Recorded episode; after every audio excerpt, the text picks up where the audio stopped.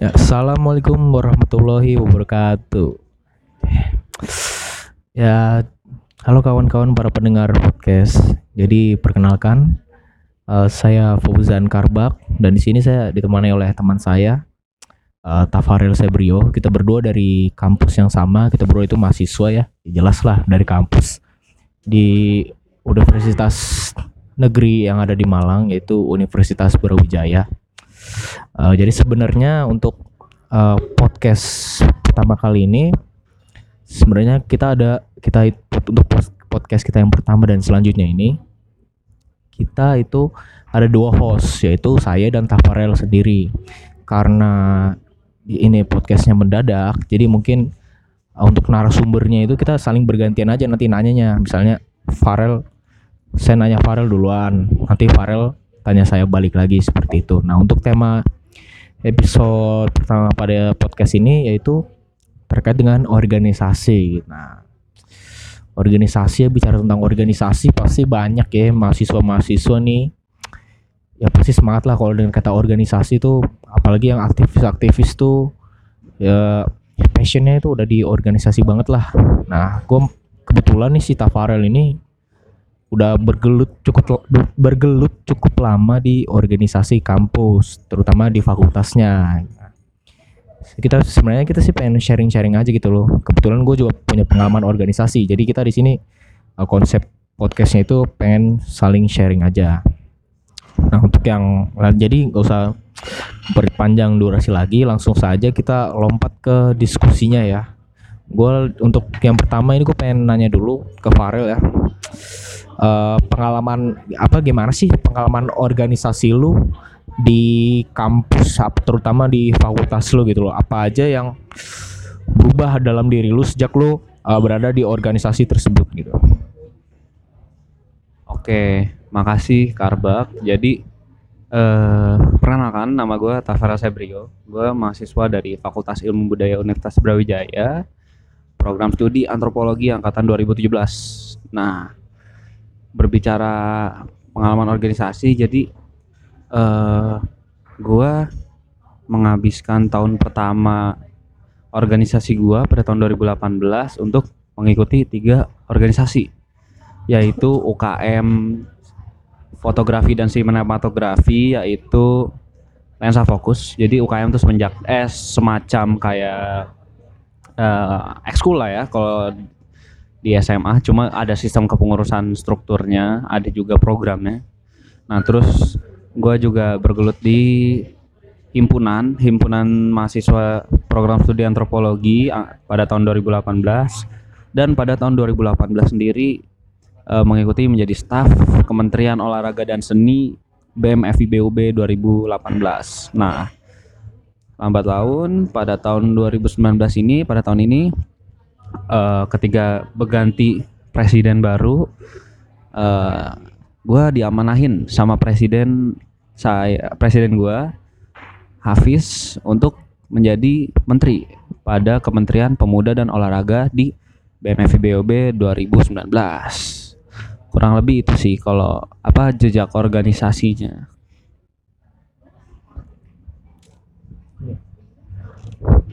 Eh, nah eh, udah nih ya eh, pengalaman organisasinya. Terus gue mau nanya lagi nih Eh, kenapa lu memilih untuk berorganisasi gitu? Ya jadi sebenarnya kalau terkait organisasi sendiri awalnya gue kayak skeptis banget jujur. Seskeptis itu sama organisasi. Karena eh, ini kalau gue waktu itu posisinya berkaca dari pengalaman organisasi gue waktu SMA waktu SMA gue ikut osis. Di SMA gue kebetulan gue SMA di swasta di SMA Bakti Mulia 400 Jakarta. Nah di situ gue ikut osis bergerak di bidang olahraga. Nah anggota bidang olahraga. Dan gue ngerasa gak gak guna gitu. Gak ada program gak terstruktur kayak osis buat ikut-ikutan doang ujung-ujungnya buat kayak alasan cabut kelas doang. Karena ya kayak eh, soft skill yang dicari di organisasi tersebut gak gua dapetin ketika semasa waktu gue sih. Makanya pas gua masuk kuliah gua kayak nih kayak janjan kayak waktu SMA juga kali gitu. Awalnya gue ragu terus makin lama gue ngeliat teman-teman gue pada ikut ya jadi dali-dalinya gue tuh hitungannya kayak ya keisep lah sama temen gue yang udah daftarin diri gitu. Dia kayak ambis gitu. Gue kayak kok mereka ambis ya? Sedangkan di lain sisi gue kayak "Loh, kok mereka ambis? Gue enggak. Terus gue makin kayak terpicut kayak kayaknya teman gue mau ngembangin diri gitu dengan mengikut gue organisasi. Gue merasa wah gue nggak mau kalah nih. Ya udahlah akhirnya gue gabung ke tiga organisasi itu ya kurang lebih itu sih karena kalau dibilang secara alasan yang kayak mulia-mulia gitu ke buat berorganisasi itu gue sih nggak nggak segitunya sih proses-proses itu yang lebih gue dapetin tuh ketika di pertengahan jalan organisasi kurang lebih segitu guys sih Pak. kalau lu sendiri gimana nih pengalaman dan kenapa lu memilih organisasi itu gimana Ah, jadi tuh sebenarnya kita mulai dari pengalaman dulu ya.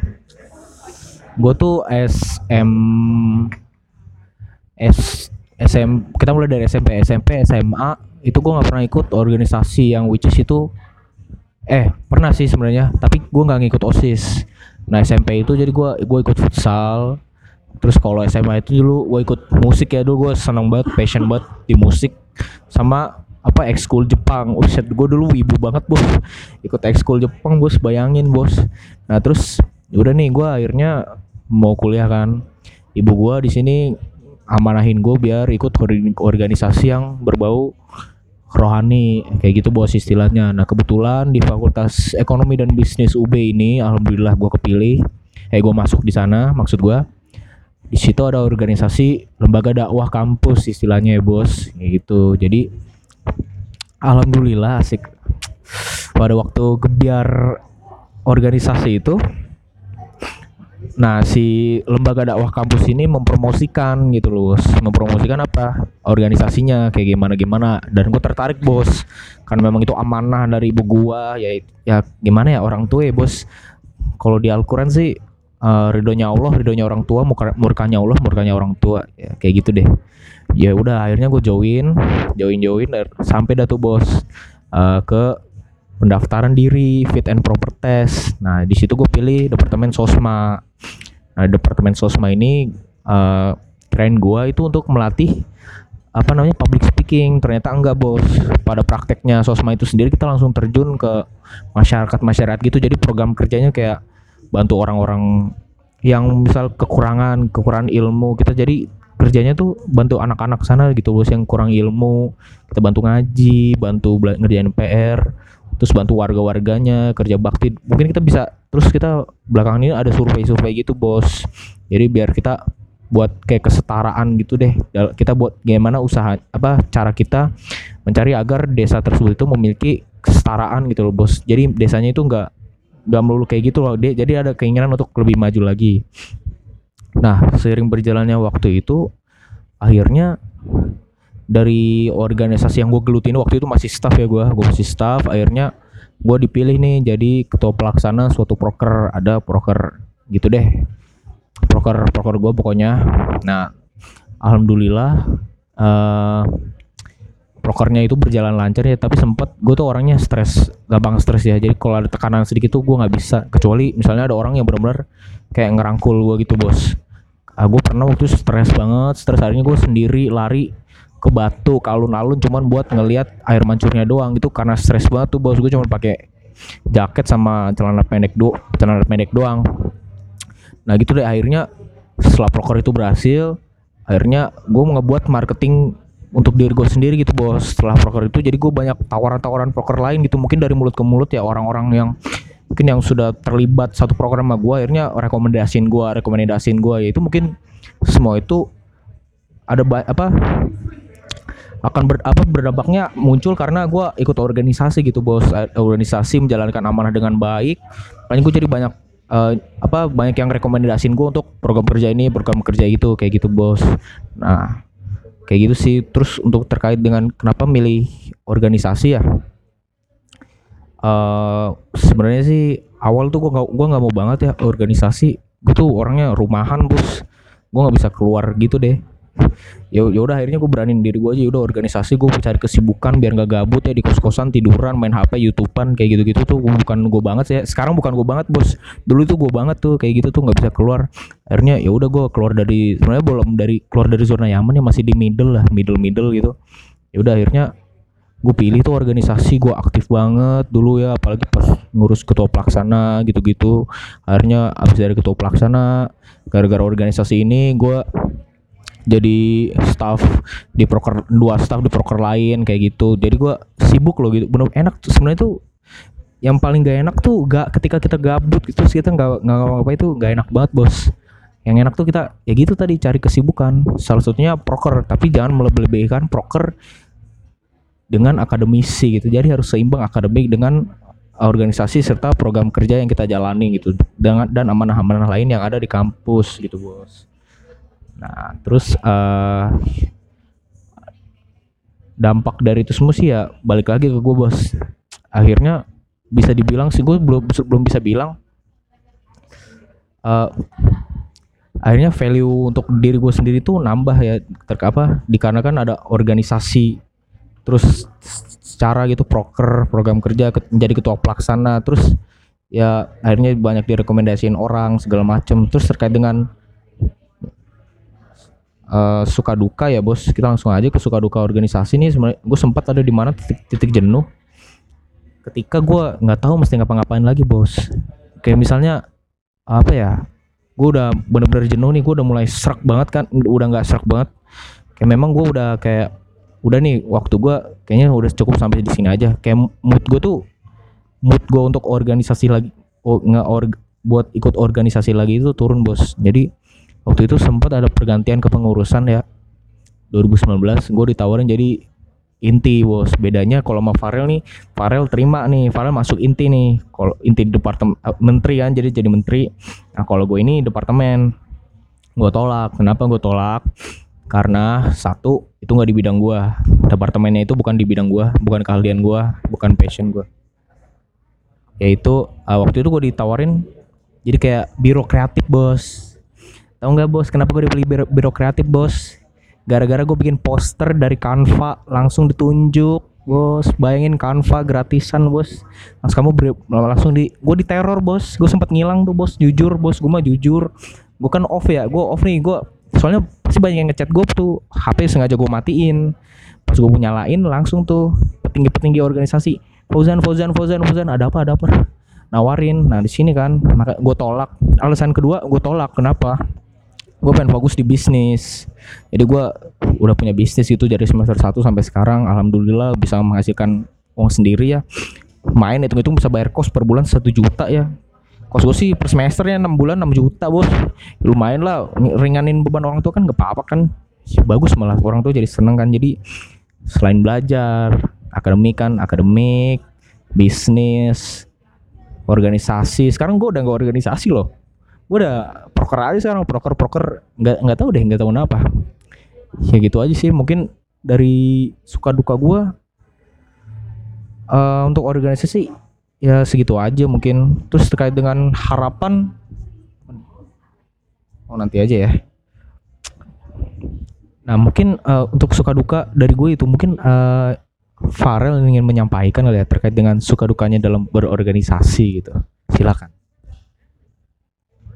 Kalau bicara suka duka, sebenarnya banyak sih suka duka yang gua rasain selama berorganisasi. Kita nggak berbicara dua tahun yang gua alamin, cuma eh belum belum dua tahun sih, satu setengah tahun. Tapi lebih bicara ke secara seluruh- keseluruhan lah sel- selama gue berorganisasi banyak banyak ya jadi dalam berorganisasi gue menyadari bahwasanya so idealismenya idealisme kita dalam menjalankan sesuatu mengkonsepkan dan mengeksekusi sesuatu pasti ada aja beberapa oknum ataupun pihak-pihak yang merasa kontra dengan pemahaman kita kontra dengan apa yang kita laksanain. Kayak ya pada akhirnya akhirnya orang-orang tersebut ya kayak nggak sebenarnya nggak memberontak sih cuma mengkritik lah. Sebenarnya kritik nggak apa-apa di satu sisi ada teman-teman yang gue apresiasi dia mengkritik namun di sisi lain dia juga membuat kritik yang konstruktif. Dalam arti membuat kritik yang membangun memberi saran pula. Gimana sih di balik kritik itu saran yang dia bangun tuh ada gitu. Namun di sisi lain juga ada orang yang mengkritik tapi giliran kita tanya kira-kira solusinya apa nih yang bisa lo sampaikan ke kita kali aja? Kita bisa pertimbangin dalam arti gitu. Dia malah loh urusan lu lah gue mah cuma bisa kritik doang. Lu kan gue mah apa tuh? Cuma mahasiswa biasa lu kan birokrat apa segala macam. Ya itulah kurang lebih suka duka dalam berorganisasi ya. Kita ya salah satu satu satunya jalan yang bisa kita ambil ya hadapi dengan senyuman aja. Maksudnya kalau kita melawan justru kita bisa dibilang jauh dari profesional itu sendiri. Makanya ya hadapi senyuman ya udah kita menerima kasihkan apa yang mereka sampaikan karena kita percaya bahwasannya sedalam-dalamnya kritik hal tersebut membuat kita menjadi diri yang berkembang menjadi yang lebih baik. Dalam arti tanpa ada kritik kita mungkin tidak tahu tetap kesalahan kita dalam membangun sesuatu itu di mana. Uh, apa yang harus kita rubah di mana. Jadi itu sih. Maksudnya bersyukur aja sih sama kritikan. Sedalam-dalamnya kritik sekali-kalinya kritik itu tidak membangun uh, kita harus menerima dengan baik karena kita percaya mereka juga menjadi bagian dari keberlangsungan kita sebagai orang yang berkembang menjadi orang yang baik sih kurang lebih itu. Nah sekarang waktunya gue nanya lu nih bak. Gue pengen nanya dong benefit dari berorganisasi itu menurut lu apa sih bak berdasarkan pengalaman lu sok monggo. Ya, yang udah gue bilang tadi ya kayak gue bisa nambah nilai untuk diri gue sendiri gitu terutama untuk ngepromosin diri kita sendiri ke hadapan orang-orang gitu. Orang-orang nilai kita tuh bakal kayak gimana nantinya. Dari organisasi yang gue alamin kemarin maka akan timbul program kerja program kerja. Nah di situ gue uh, banyak orang-orang yang kebetulan merekomendasikan gue dalam beberapa program kerja program kerja gitu bos. Jadi ya mungkin itu salah satu pengaruh tadi yang gue bilang apa terhadap uh, dari organisasi gitu bos. Jadi gue selain nambah nambah pengalaman nambah ini sebenarnya kalau nambah link itu buset pengaruh banget bos. Teman-teman lu jadi di mana-mana lu ikut organisasi. Kalau ikut organisasi lu pasti ikut proker. Kalau ikut proker pasti lo ada di ditaruh misalnya di divisi mana. Nah kalau ditaruh ditaruh divisi divisi gitu pasti lu nambah temen. Apalagi kalau udah dalam satu proker yang besar itu temen lu bukan di satu divisi doang. Pasti dalam satu semua proker itu bos. Jadi buat lu lu nih yang mungkin kurang temen lah. Mau nambah temen gue saran sih minimal ya ikut prokernya lah. Lu daftar jadi staff daftar jadi staff. Nggak mesti ikut organisasi gitu bos. Soalnya link ini ba apa manfaatnya banyak banget loh bos. Gua sampai kenal cutting-cutting bawah gua eh atas gua ke angkatan 16 15 sampai 14 bos. Soal sampai alumni alumni gua gua tahu bos pernah ngobrol gara-gara satu proker proker yang udah emang budayanya dari prodi gua gitu bos. Ntar nih gua lagi lagi apa lagi megang proker ini nih bos. Nanti untuk maba-maba nih tunggu aja ya datang semester apa semester baru nih. Jadi ya gitu bos. Apa intro apa yang kedua itu uh, bisa dengan adanya organisasi kita bisa memanage gitu. Apa membantu kita untuk memanage diri kita sendiri membuat skala prioritas antara akademis dan uh, organisasi atau program kerja yang sedang kita jalani gitu bos. Jadi kita gak boleh berat sebelah gitu. Eh bukan bukan gak boleh berat sebelah sih. Sebenarnya kita harus seimbang antara akademik antara akademik dengan proker.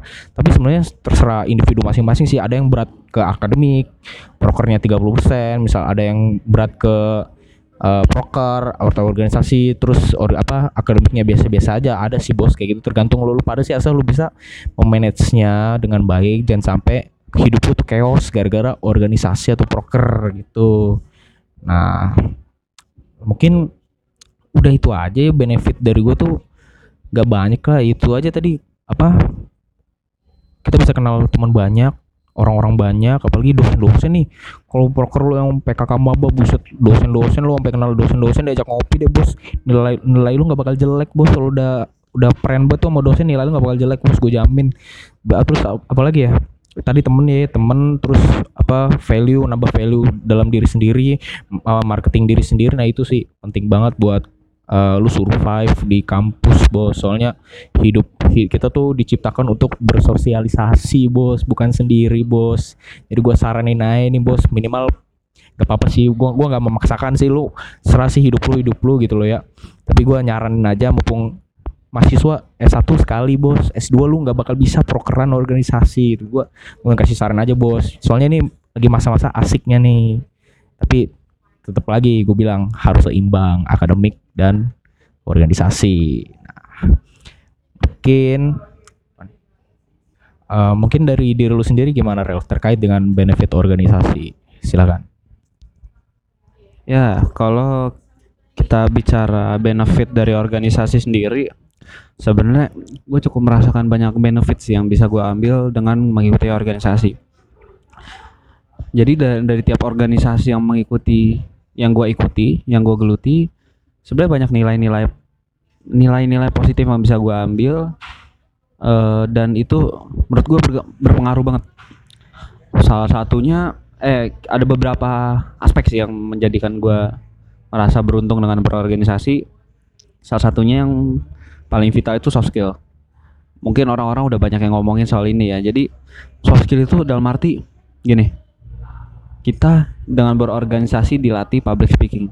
Dalam arti bukan bukan dalam arti public speaking yang ngobrol di depan umum gitu enggak. Itu emang iya tapi dalam arti yang gue maksud itu lebih ke gimana caranya lu membangun relasi dengan orang baru. Gua yang awalnya pemalu, gue dituntut untuk mengembangkan relasi dengan orang-orang jurusan-jurusan lain.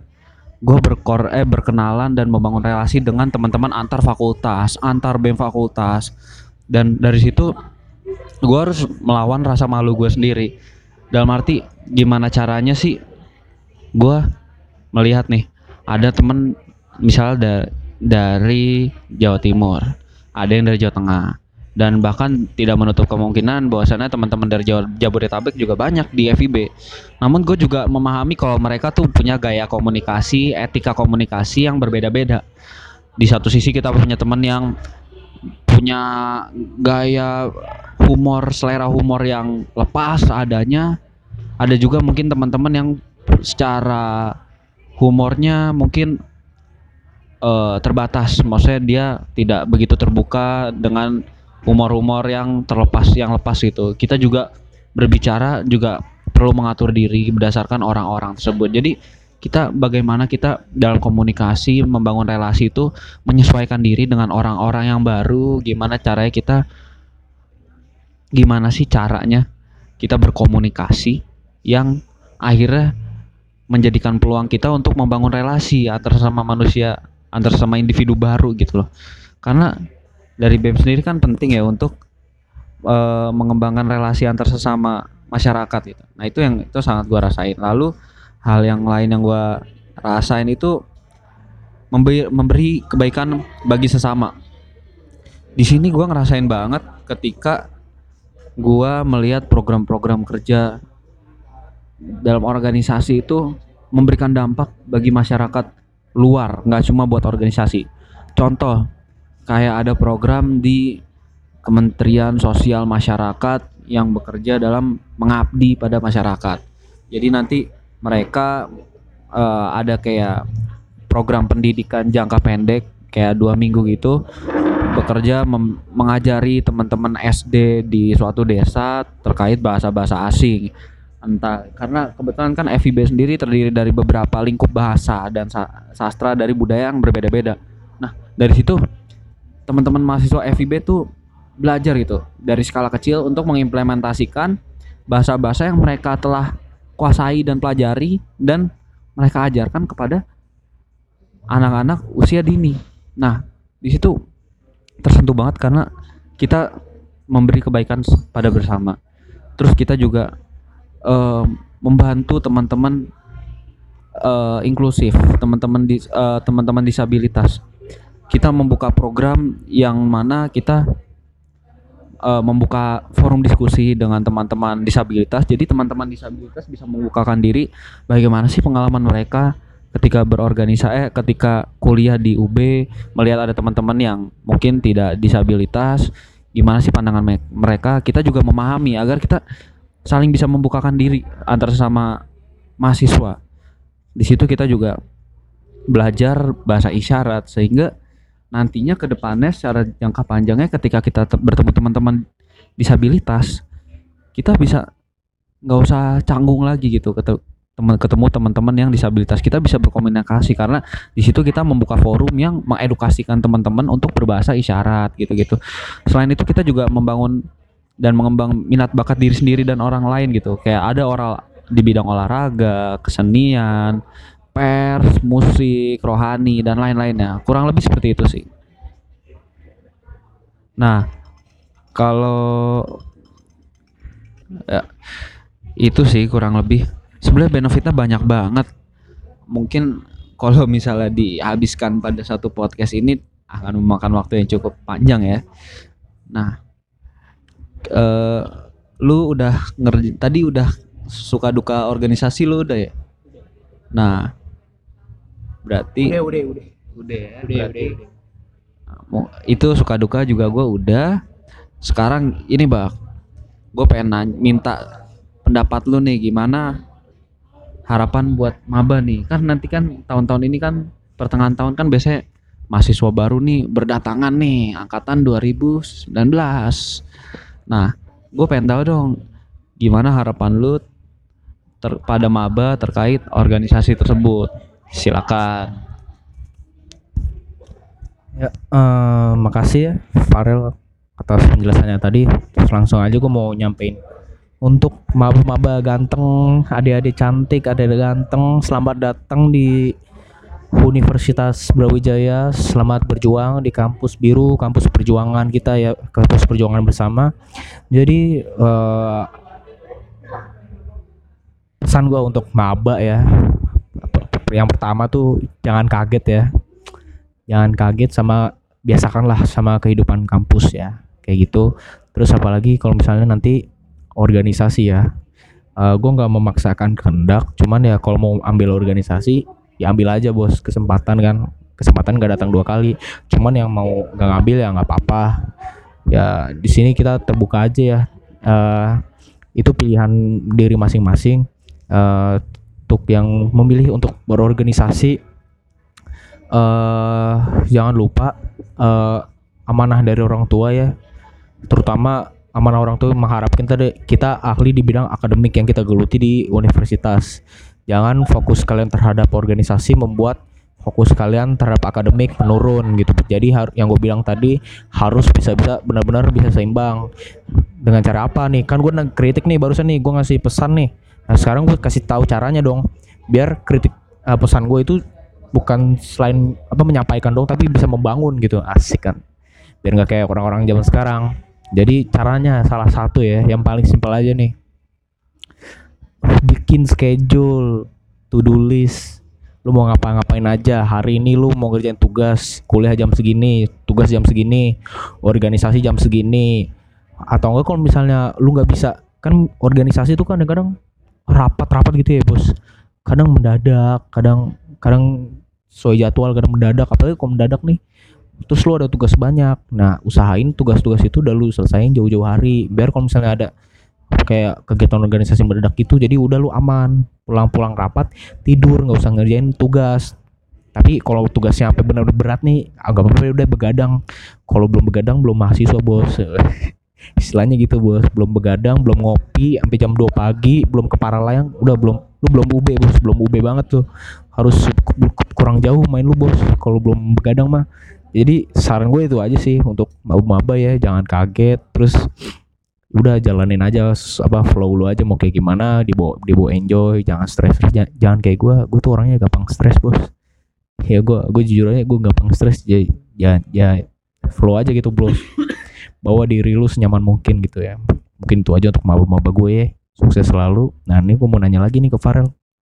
Gimana nih harapan lu bos buat maba-maba?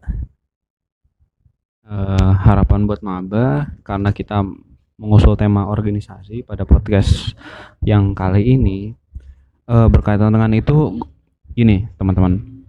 Sebenarnya terkait keputusan untuk mengambil mengikuti organisasi atau gimana sebenarnya itu semua kembali kepada teman-teman.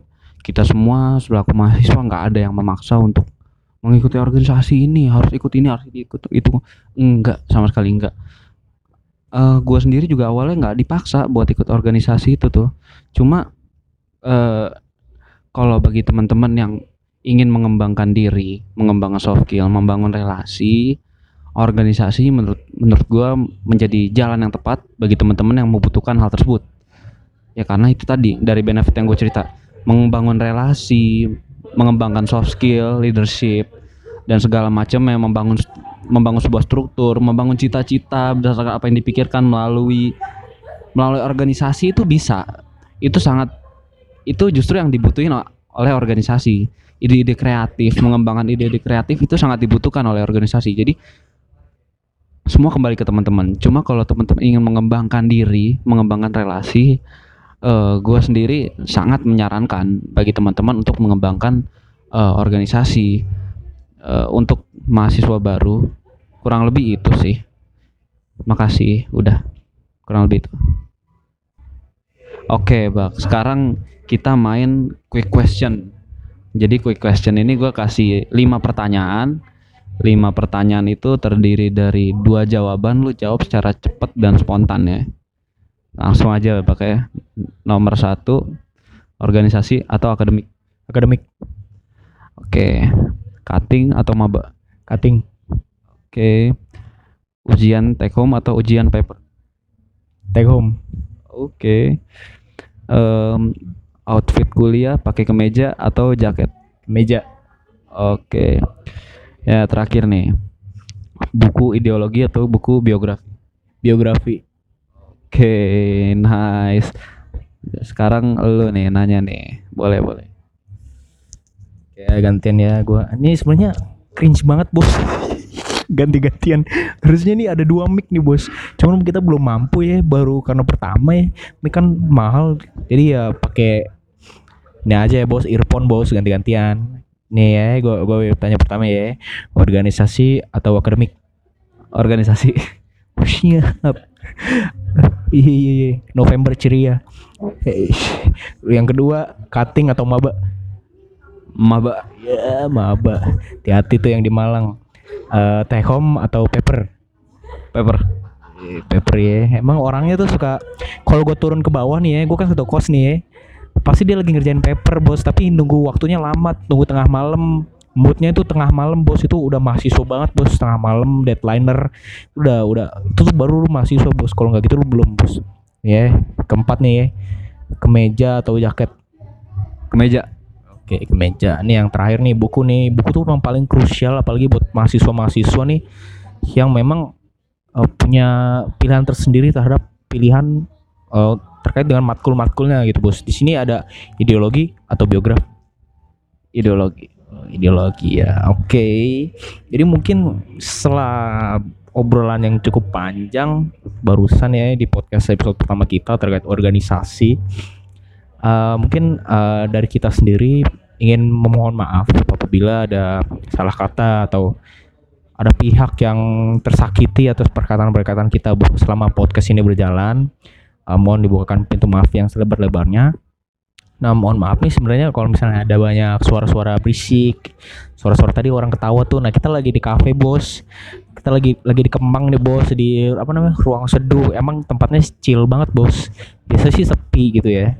Ternyata mungkin ini lagi rame aja ya. Biasa orang-orang gabut kan kayak gitu. Nah ya udah, saran ini sih, gue saranin lu boleh lah ke sini mampir sama pacar lu sama sama teman-teman lu nih buat pulang seduh nih ini lu beruntung lu gua gua promosin gratis bos. Gila bos gak usah dibayar gua mah aku mau baik. Gak mau duit bos ntar aja duit mah belakangan. Yang penting nih jadi dulu podcast kan. Udah mungkin itu aja ya. Uh, sekian mungkin untuk episode selanjutnya ditunggu ya antara ya yeah, paling kita bahas bakal undang narasumber nih yang lebih berbobot lagi. Nggak kayak kita kita nih kurang bet. Paling ntar terkait politik kampus nih bos. Wih yang langsung dengar politik kampus langsung nih butthurt semua nih. Langsung pada apa sih apa sih apa sih apa sih? Pasti pada gitu tuh. Pengen ikut ikutan ya paling tadi kita undang kok narasumber yang ahli dalam bidang politik kampus. Wih, mantep nih. Oke, ditunggu aja untuk episode 2-nya. Sekian dari kita Tafabak Podcast. Wassalamualaikum warahmatullahi wabarakatuh.